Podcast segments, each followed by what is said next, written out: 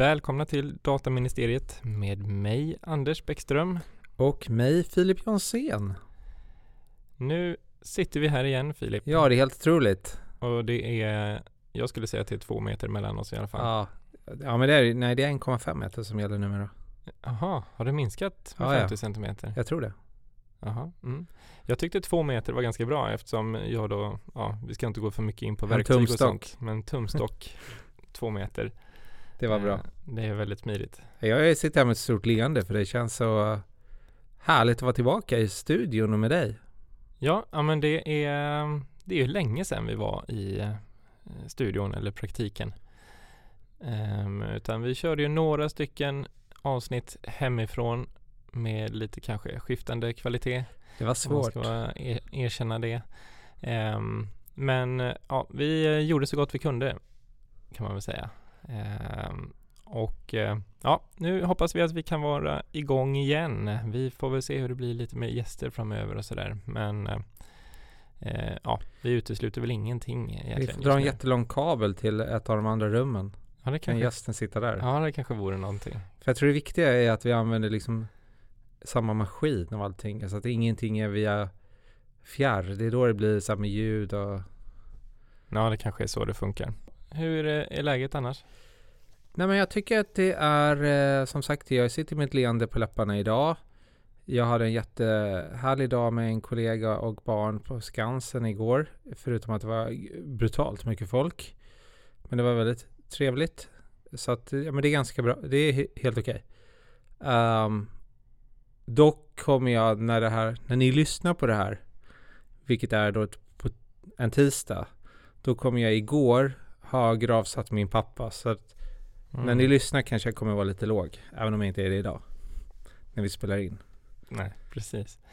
Ja, nej men ehm, det, ja, det, det, jag var också på Skansen faktiskt för inte så länge sedan. Eh, och jag, det var också många andra som var där. Eh, kändes väl kanske lite sådär smått obekvämt. Eh, Alla har årskort. Ja, jo men alla har ju årskort och ska stötta Skansen, stiftelsen eller vad det är för någonting. Jag har årskort. Men, eh, men det, ja, Alla jag känner har årskort på Skansen i år. Ja men jag är ändå förvånad över hur pass eh, eh, Som sagt, vi eh, var ju där jag och, och barnen och eh, tittade på de här eh, Björnarna. Ja, bland annat, men Vicenten där vad den heter, bison, Ah, eh, europeisk bison som är Mm. vansinnigt stort djur jag såg alltså. inte det.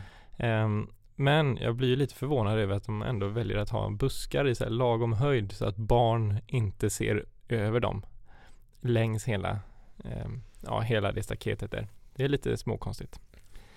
Ehm, men kanske lite utrymme för förbättring. Ja. Men det är inte bara Skansen vi ska prata om idag. Nej, vi, vi kan ju prata om eh, vad som har hänt sen senast. Om det har hänt något.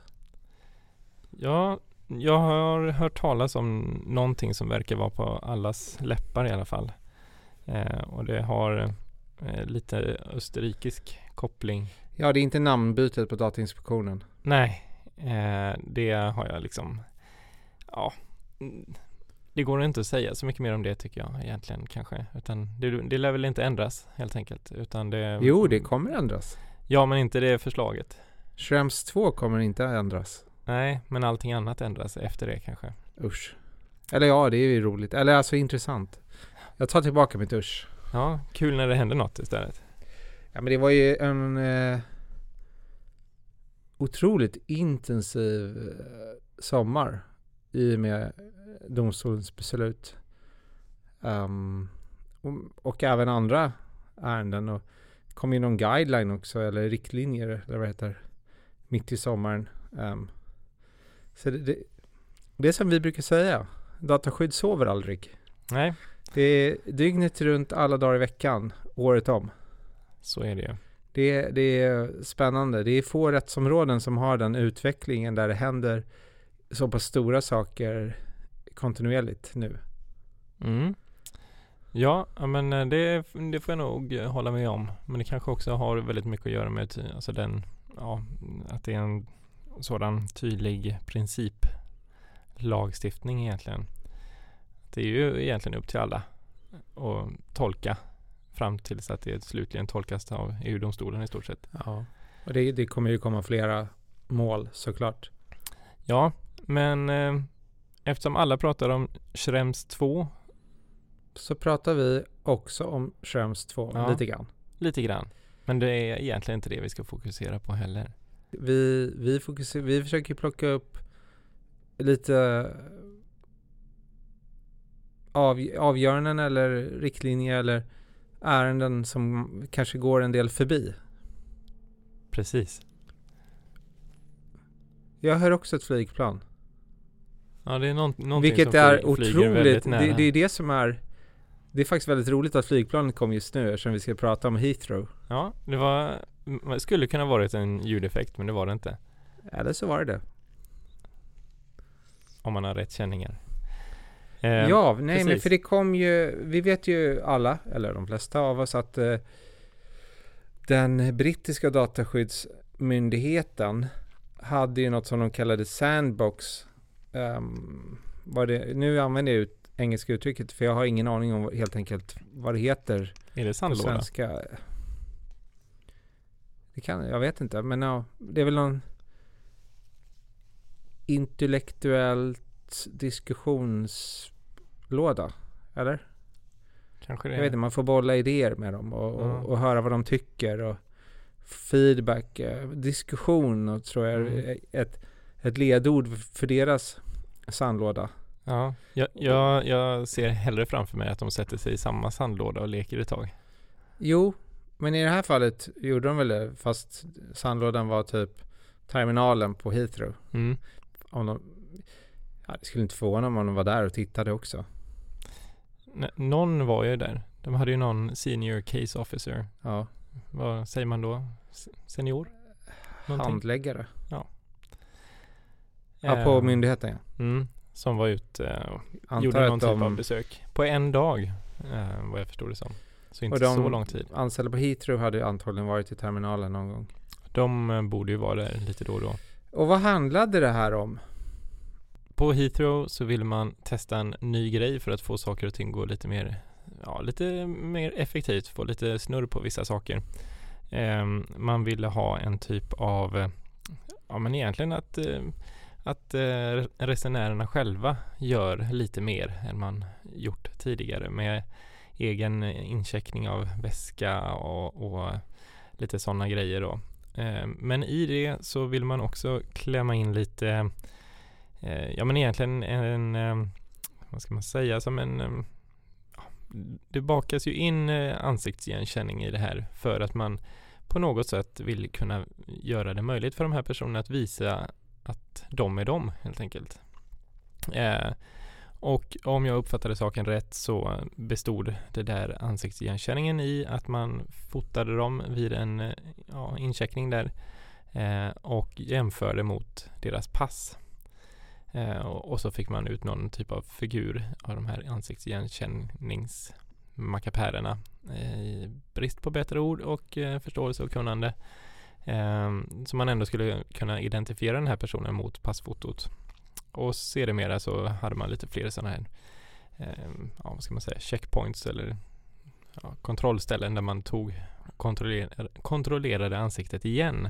Så att det inte är någon som har plötsligt bytt med någon på terminalen där nu. Hur det är möjligt, men om det skulle vara möjligt. Eh, och då var det lite olika aspekter på det där då som var egentligen, vad ska man säga, det som är det intressanta. Och då är det bland annat med laglig grund.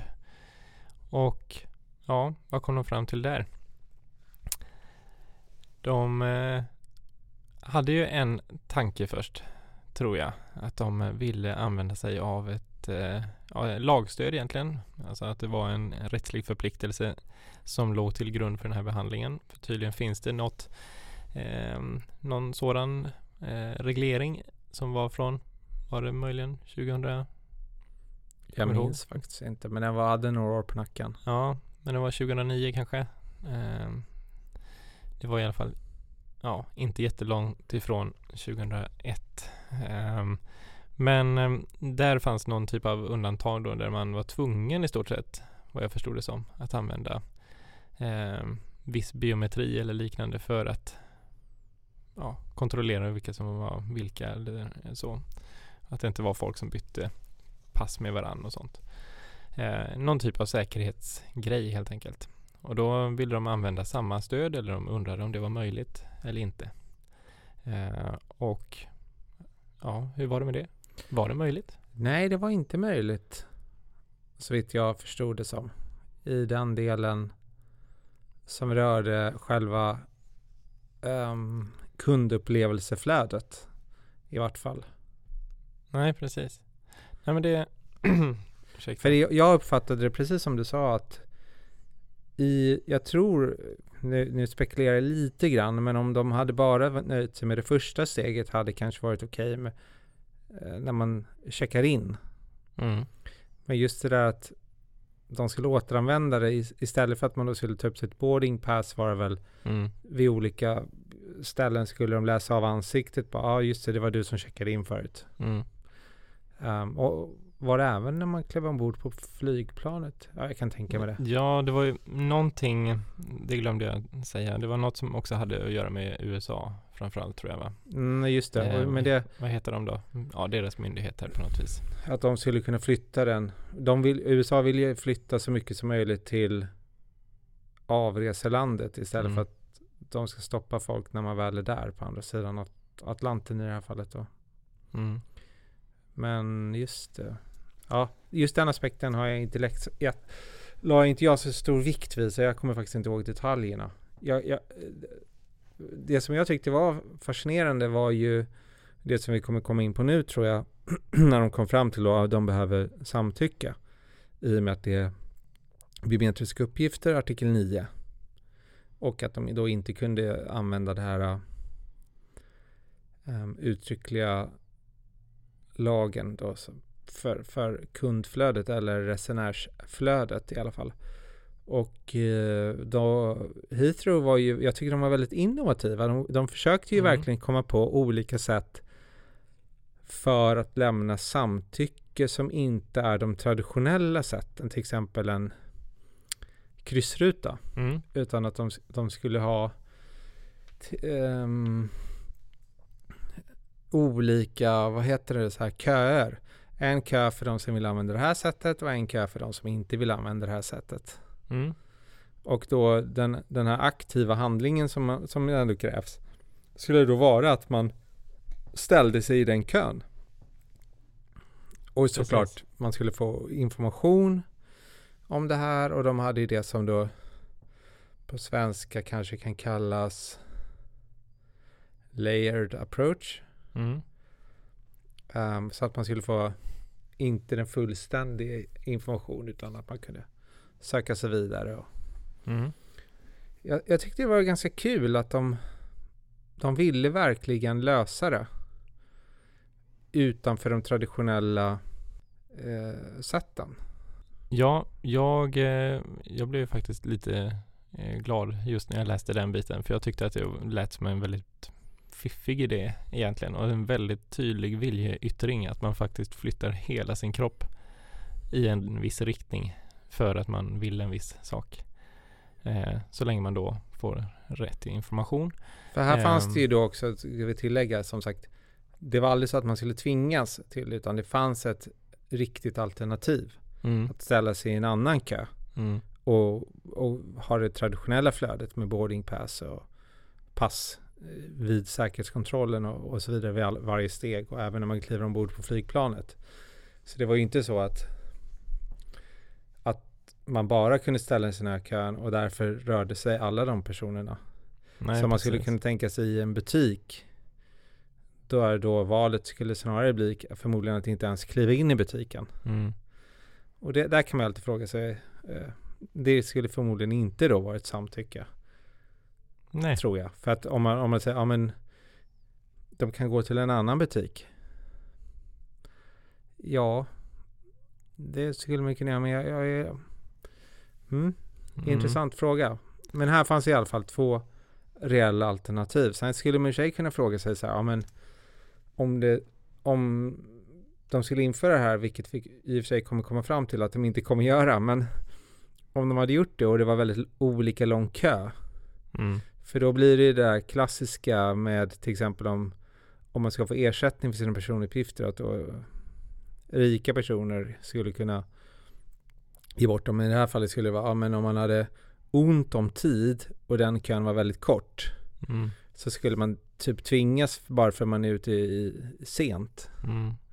Medan däremot om man hade gott om tid så skulle man kunna gå i den andra. Alltså det skulle, det finns ju aspekter som de inte riktigt tog upp faktiskt i den här men som ändå är intressanta. Ja, mm, så kan det väl vara. Om, men om man bara ska spekulera runt det där så säga att en tredjedel skulle välja det alternativet. Ja, Alltså, mm, ja, med, med ett samtycke. Um, och skulle ta den kön och att biometriska uppgifter behandlas, då borde ju ändå minska trycket på det andra också. Eller? Ja, så borde det bli. Och just det, visst, det var ju också så att de skulle ju inte bevara det där så länge. Det ska vi komma ihåg. Nej, det är just den biten missar jag nog. Men, Nej, men det var i den biten som rörde själva kund eller kundupplevelseflödet så jag minns inte hur lång tid, men det var inte så att de, de skulle inte använda det till någonting annat, utan det var ju för att göra det snabbare och effektivare. Mm. Ja, men eh, precis. Nej men eh, jag, jag tyckte att det var en väldigt, väldigt eh, bra, jag tyckte att det var en bra idé. Eh, och en ganska rolig idé. Det också. kommer säkert komma. Och sen, eh, men ja, det flög ju inte riktigt. Nej, det flög inte i det här, men jag tänkte mer generellt tror jag att den typen av saker kommer komma. Jag har sett i, jag vet inte, nu, Kina är så dåligt exempel det gäller dataskydd, men Mm. där har de ju så till exempel vid skolor att eh, eleverna går förbi ehm, kameror och sen är alla elever inlagda Mm. och sen kommer bara de som går på skolan in. Mm.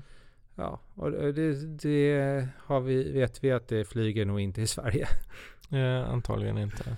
Ehm, men i- i principiellt så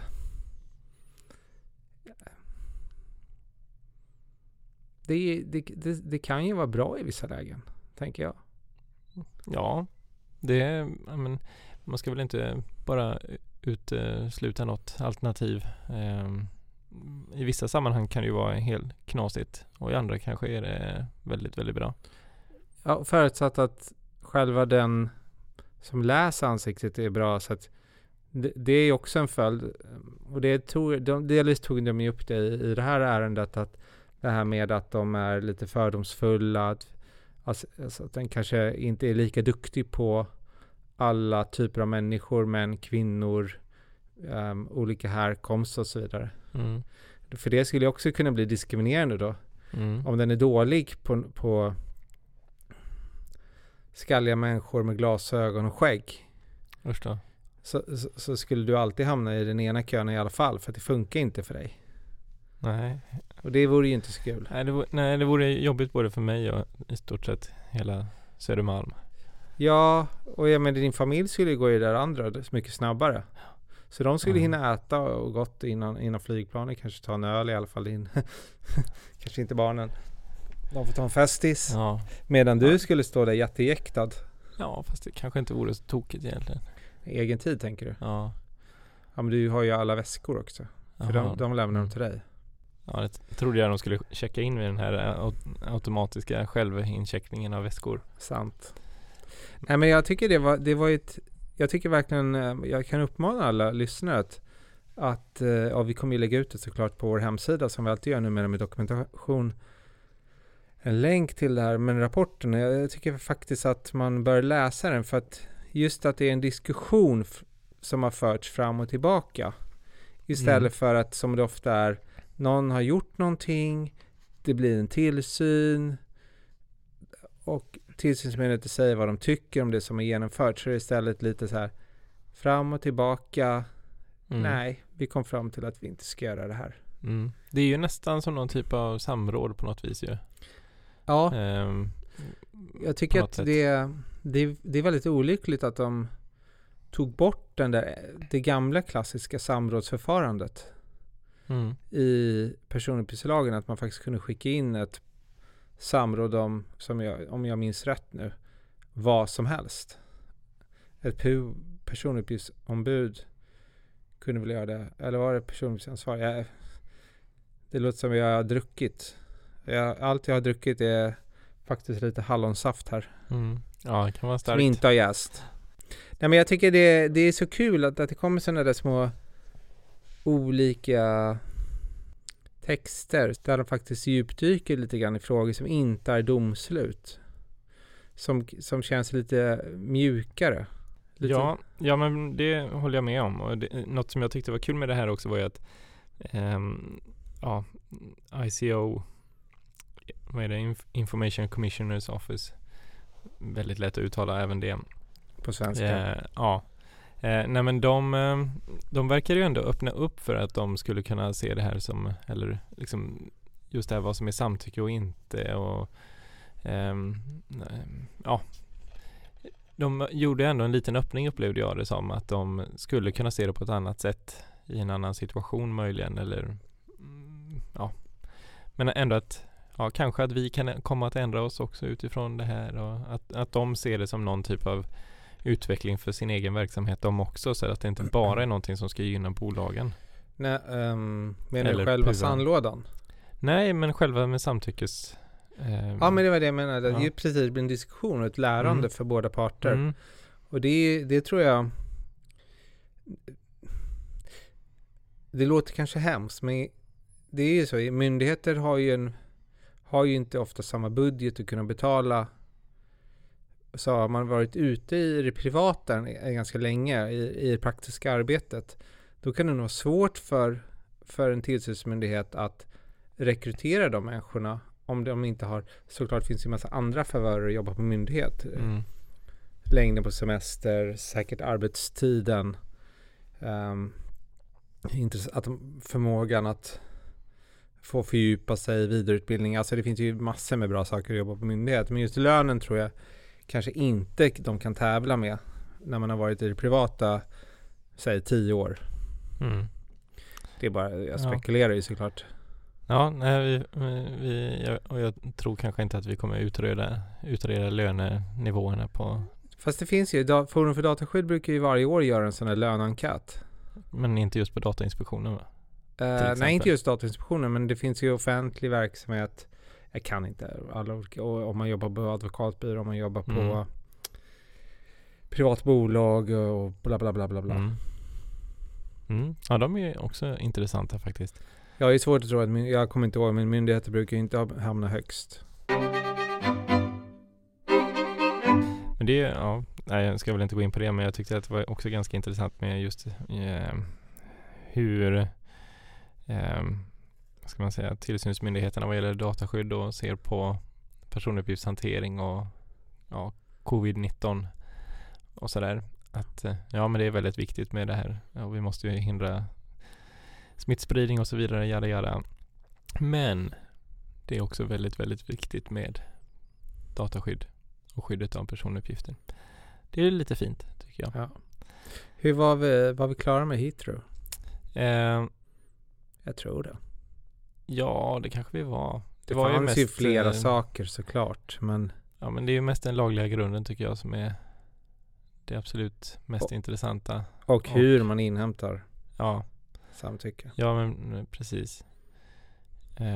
För det, det är ju verkligen ett, eller jag skulle ju säga att det är ett jättetydligt samtycke i stort sett att man får välja vilken dörr man ska gå igenom Mm.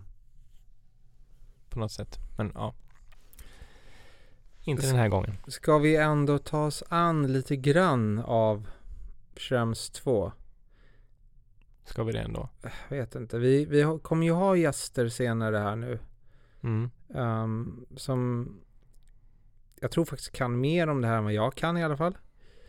Och som Ja, det gäller nog oss båda. brinner för den här typen av frågor. När det gäller till exempel molnbaserade tjänster. Mm. Um, alltså brinner, jag tycker också att molnbaserade tjänster är jättebra.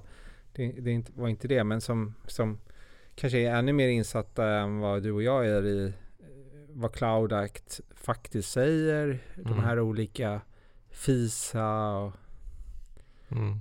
KISA och PISA och, Mm. och ehm, Alla, vad är det?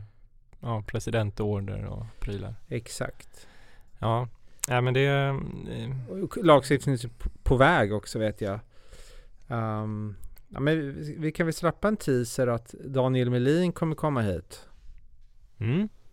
Det blir kul. Det blir superkul och eh, han ville ju komma till studion av, av förståeliga skäl. Det är väldigt trevligt här. Så att eh, vi måste ju lösa den här eh, covid-situationen Mm. till dess. Ehm, och munskydd känner jag kanske blir dåligt med ljudet. Eh, jag har ju testat mig. Jag har ju inte sådana där antikroppar i alla fall. Nej. Så jag har väl inte varit sjuk än. Eller det tror, jag inte. Jag vill inte bli sjuk heller. Helst inte. Eh, men vi kommer lösa det. Och sen har vi ju massa andra tr- intressanta gäster som är på gång. Mm. Jag vet inte om vi ska berätta redan nu vilka de är eller? Mm, Nej, jag tycker inte att vi behöver ta upp alla redan nu egentligen. Utan Nej, eh, då det... kommer någon sno dem. Ja, så kan det vara. Nej, det, då gör vi inte det. Nej. Vi får hålla i Daniel Melin nu då. Ja. Vad har vi mer att säga? Har det hänt något mer? Eller har det hänt- hänt så? En intressant aspekt som jag faktiskt har funderat på nu är ju och det var lite grann för jag såg någon blänkare om det. Det här med de här gamla fallen där också då den brittiska dataskyddsmyndigheten har aviserat ganska höga sanktionsavgifter till exempel till British Airways. Jaha, det här som var um, som Det, ett förhandsbesked på något vis. ex, eller att, exakt, eh, men det, här kommer aldrig besluten. Nej. Um, det, tar, det börjar liksom dra ut enormt lång tid. Mm. För de var ändå ganska snabba med att säga att det här kommer komma. Och nu såg jag att British Airways själva hade satt av, alltså i sin bok eh, årsbokslut, Mm. eller om det var någon delrapport kanske, ti, en tiondel av det initiala beloppet. Mm. Så att då, då to- tolkade jag, jag, jag tolkar inte, men det var någon som tolkade det som aha, för de har ju haft diskussion löpande nu. Aha, det kommer bli mycket lägre. Mm. Någon typ av förlikning. Jag vet inte, ja. men eh, det där kommer ju bli väldigt intressant framåt att, att just i de här casen som är stora, att man då för publika bolag kommer kunna titta på om de faktiskt sätter av belopp i sina eh, bokslut för det här eller i Mm. delrapporter. Mm. Det kanske är ett sätt egentligen att försöka få in de pengarna. Att man säger att snart kommer ni få den här jättehöga sanktionsavgiften. Ja. Så då kan du ju faktiskt gå in i en budget kanske på ett annat sätt. Ja, men, och, och, menar du budgeten för dataskydds, de som jobbar med dataskydd på företaget eller menar du att man rullar över, alltså de kommer alltid rulla över det på kunderna i alla fall. Ja, ja. Jo, men alltså att man sätter av det då på en bolagsnivå tänker jag bara. Som Brit- British Airways Mm. nu hade gjort då. Och jag kommer ihåg det var ytterligare, nå- vilka var det mer som gjorde det? Det var Facebook också som man hade tittat på något sånt där och sett. Var inte det? För länge sedan. Ja, Det var något bolag, något annat bolag de tittade så här, aha de har avsatt så här mycket. jaha. Nej, men det har jag missat. Men jag, och jag kommer knappt ihåg vilka bolag det var som eh, fick de här varningarna om man ska säga då. Ja nej det var inte varningarna, det var ju ehm, Marriott också. Ja, Jag kommer inte ihåg beloppet. Men man får väl gå och titta på vad de har också. Och de har avsatt någon, någon, pengar för det här. Um, men annars är jag, Datainspektionen har väl, vad är det, 40-tal eller ännu mer nu, 50 öppna ärenden med tillsyner och olika typer av, av, av, av ärenden mot organisationer. Så det kommer väl komma en hel del beslut ja, ja men det borde det göra och det är väl också det de pratar om på den här årsdagen va? eller vad det var. Att de faktiskt skulle gå över mycket hårdare på just tillsynsbiten nu. Men det är ändå intressant att se att de har öppnat många ärenden. Inte jättemånga blivit avslutade. Likadant då med i, på andra ställen, till exempel Betray. Att i de här stora ärendena så tror jag nu, det här är en ren spekulation från min sida så jag kan ha helt fel. Jag tänker att det kanske var lite svårare än vad de trodde. Kanske. Att det blev mer komplicerat och mycket mer mångfacetterat än, än bara så här, här står lagen, ni har gjort fel, boff, utan Mm.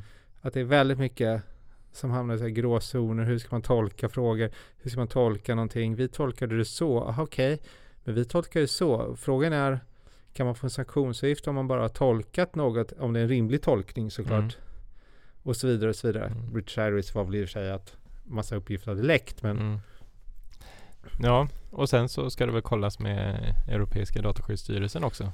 ja, precis. För det man- var ju en sån där uh, cross-border. Det, det måste ju varit massa utanför Storbritannien som var påverkade av det där. Mm. Ja, det borde det ju vara. Men nej, men det, det är nog inte så lätt alla gånger att sitta på Datainspektionen heller. Eh, Nej, Just nej. när man eh, dels får in eh, eller börja titta på saker som visar sig kanske vara mycket mer komplicerade. Ehm, och eh, som, som du sa, kanske inte är helt lätt att säga ja, vare sig bu eller bä om. Eh, och så ska man synka det med de andra myndigheterna runt om. Eh, Det är bara... Och- Ja. Nej men eh, och sen så är väl min uppfattning också att eh, Ja men att en svensk eh, myndighet kanske är mer noga med att stämma av med sina kollegor än kanske en del andra myndigheter i en del andra länder som kanske är lite vassare på att sticka ut näsan eller hakan om man så vill. Tänker du på knill i Frankrike? Eh, ja men de, eh, Frankrike har väl en tendens att köra sin grej eh, oavsett om det handlar om traktorer på gatan eller vad det än är. Men eh, jag tänker kanske mer på Danmark då, de här, den blänkaren som kom upp på Dataministeriets LinkedIn-sida. ja, Ehm, som, eh, ja, som är då en del av den undersökning som vi håller på med, eller vad man ska kalla det. Ehm, men där de i alla fall sticker ut hakan ganska mycket om, eh, om just det här med ja, klausuler i ett eh, pubavtal. Ehm, ja. Eh, I likhet med faktiskt Norge. ja, ja, men en del är väl lite så och sticker Så, ut. eh, Om man heter datatillsynet då sticker man ut hakan i Ja. den frågan. Nej men den, den ska vi reda för. Jag, jag gissar väl på att nu kommer det väl inte komma jätte... Det var ju eftersläntrare i Danmark. mm, De flesta har inkommit och vi har redan redogjort för det lite grann. Men vi ska ge dem några, en lite tid till, tycker Mm. jag, de andra. Och sen göra en sammanställning. Men på tal om att det, att det spretar lite grann, det kan man ju även se på sammanställningen, det är väl Hogan Lovells, eller hur man uttalar ehm, som har sammanställt vad alla dataskyddsmyndigheter tycker om Schrems 2, hur man ska tolka det mm, vad det betyder i verkligheten. Där några, till exempel Berlin då, ty, typ går ut och säger nej nu är det bara stopp för all överföring till USA från och med idag, puff. mm, Medan andra, eh, andra änden av skalan är väl att eh, nej, man måste göra individuella bedömningar i varje enskilt fall. mm, Ja, Privacy Shield kan man ju inte förlita sig på, men i övrigt mm, Ehm, och det, det, det, det är väl också lite så här olyckligt att alla, inte alla, det är väl ett 20-tal nu va? Som har gått ut och sagt olika tolkningsvarianter. Det, det blir också så här, ja, hur, hur ska jag då förstå det Mm. här? Och om man då har verksamhet i olika länder, då blir det ännu mer komplicerat. mm. Och vad säger Dataskyddsstyrelsen då? EDPB? Ja, de har ju kommit ut med den här frågor och svar. Mm. FAQ som det heter på Mm. engelska då, men Ja men de, jag tolkar det som att man, de är väl lite mer bara som domstolen. Alltså gör ingen ytterligare tolkning vad det faktiskt innebär för företagen mer än att man måste göra enskilda prövningar i varje fall. De har ju inte sagt så här ett absolut förbud att skicka till USA oavsett allt. Så tolkar jag det i alla fall. Mm. Eh, men du kanske tolkar annorlunda. Jag vet att andra har tolkat det lite mer restriktivt än jag har gjort. Vet du, ska jag vara ärlig så har jag inte tittat så mycket på EDPBs eh, Ja, vad ska man kalla det då? FAQ då? Eller? Nej. Jag tycker att den där sammanställningen som vi också lägger ut en länk till då är Den är väldigt bra för det är kort från varje land vad Mm. de tycker. Om man litar på det, det är en av världens största byråer. De har jättehögt anseende inom dataskyddsvärlden.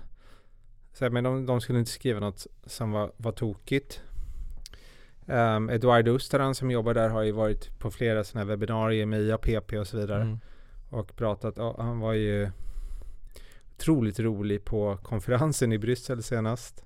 Nej, du var inte där. Jag var inte där. Men men han har han- ju också skrivit boken där på, som, eller i alla fall en bok minst på Ja. IFP. Eller han är, vad, säger man, redaktör på den. Det är väl flera som skriver den där.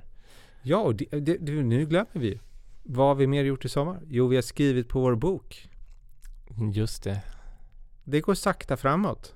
Väldigt sakta. Jag har ju framåt. helt snurrat in på helt andra frågor som jag skriver om än dataskydd igen. Jag har skrivit om, om, om mycket eh, liksom bakgrund, så här filosofiska tankar och eh, som jag kan tycka är viktigt att förstå kanske faktiskt väldigt, just när det gäller dataskyddsvärlden och, och dataskyddslagstiftningen, kanske viktigare än på många andra rättsområden.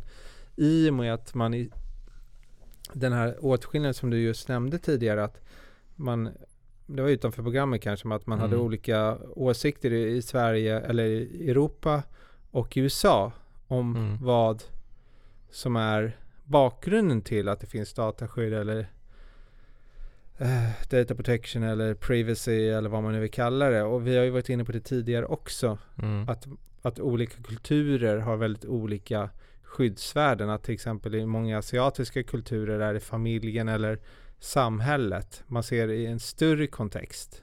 Mm. Medan vi har väldigt individfokus. Att det är en enskild som ska skyddas mer än ett kollektiv. Mm. Och det, jag, jag tycker det är, för mig i alla fall, jag, för att jag ska förstå dataskydd måste jag hela tiden ha med mig allt det här Mm. lite grann i bakhuvudet. Men Ja, men jag tror att det kommer bli bra. jag tror också det kommer bli bra. Jag, jag skriver, har skrivit lite grann om det här med rättspositivism. Som är en jättestark tradition i, i Sverige i Mm. synnerhet och i Europa i viss Mm. mån. Nu kittlar det nog till hos många. Ja, det, vi, det här är jag bara droppar teaser på teaser nu. Ja. Eller, teaser, man får inte säga teaser. Um, nyfikenhetsuppslag för lyssnarna. Ehm, vi kommer gå in på, det, sen, men det, det är ju en praktisk bok. Den ska ju Mm. vara praktisk. Ja, och det det är här, tanken. och jag, jag tycker att det här är bakgrunden till praktiken. För att förstå hur man ska argumentera för sin organisation att det här ändå är viktiga frågor. Vi kommer också ha ett avsnitt om just det. Hur man identifierar vilken typ av människor man pratar med och vilka drivkrafter de har. Är det en person som vill att man gör rätt? Är det en person som är mer intresserad av att inte så här name and shame? Mm. Alltså jag kan inte låta bli det här med engelska. Det verkar lite svårt. Men, Ehm, så ni hör, jag är väldigt entusiastisk över den här boken. Den kommer bli kanon. Ja, det, det kommer det bli. Eh, Det kommer bli en bästsäljare. Eh, mest sannolikt en riktig eh, kioskvältare när den väl kommer ut. Ja, och det, det, jag tror den kommer, den kommer appellera om, eller vad det nu heter på något fint ord, tilltala. Mm. Ehm, inte bara sådana dataskyddsnördar som det kallas ibland, utan jag tror man kommer kunna läsa den även som lite mera sommarläsning i hängmattan, vem den är. Den borde komma in på en topplista. Det tycker jag också. Om inte annat borde den komma in på svenska böcker om dataskydd. Mm. Den topplistan. Mm. Den, eh, vi kan ju börja där. Ja, jag, jag tror på det här, jag tror på det här. Och sen blir det på med de här med, ja, då får Camilla Läckberg passa sig och sådana. Ma- Man kan vi sikta på att den kommer ges ut till nästa sommar? Ja, det kanske. Jag är mycket för så här piskan och morot, och, eller både och. Ja, Och sätta deadlines och sen hålla deadlines. mm. ja men det, det blir bra. Du ska se hans min just nu. Så Nej, det kommer bli bra. Det är bra med, jag- har också alltid inbillat mig att jag eh, trivs eh, bäst med en deadline. Men eh, ja, men det blir bra. nästa- Midsommar.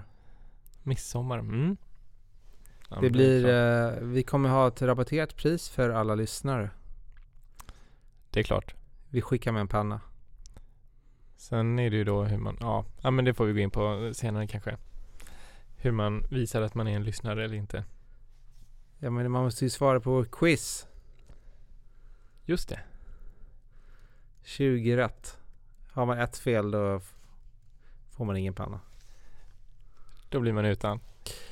Ja, Mm. ja men eh, ska det vi blir bra. runda av? Jag tycker det känns som vi har eh, uttömt det vi hade tänkt att prata om.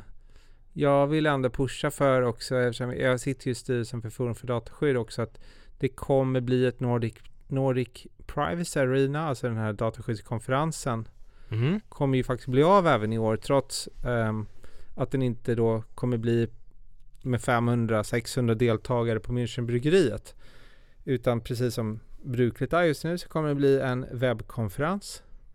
Men det kommer finnas viss möjlighet faktiskt att även ta sig till så kallade hubbar om man, om man vill vara några stycken. Mm. Så kommer det finnas en, en hubb i Stockholm, en hubb i Sundsvall, en i Köpenhamn, en i Oslo och en i Helsingfors. Ja. Självklart måste man ändå ha biljett om man kommer till hubben. Mm.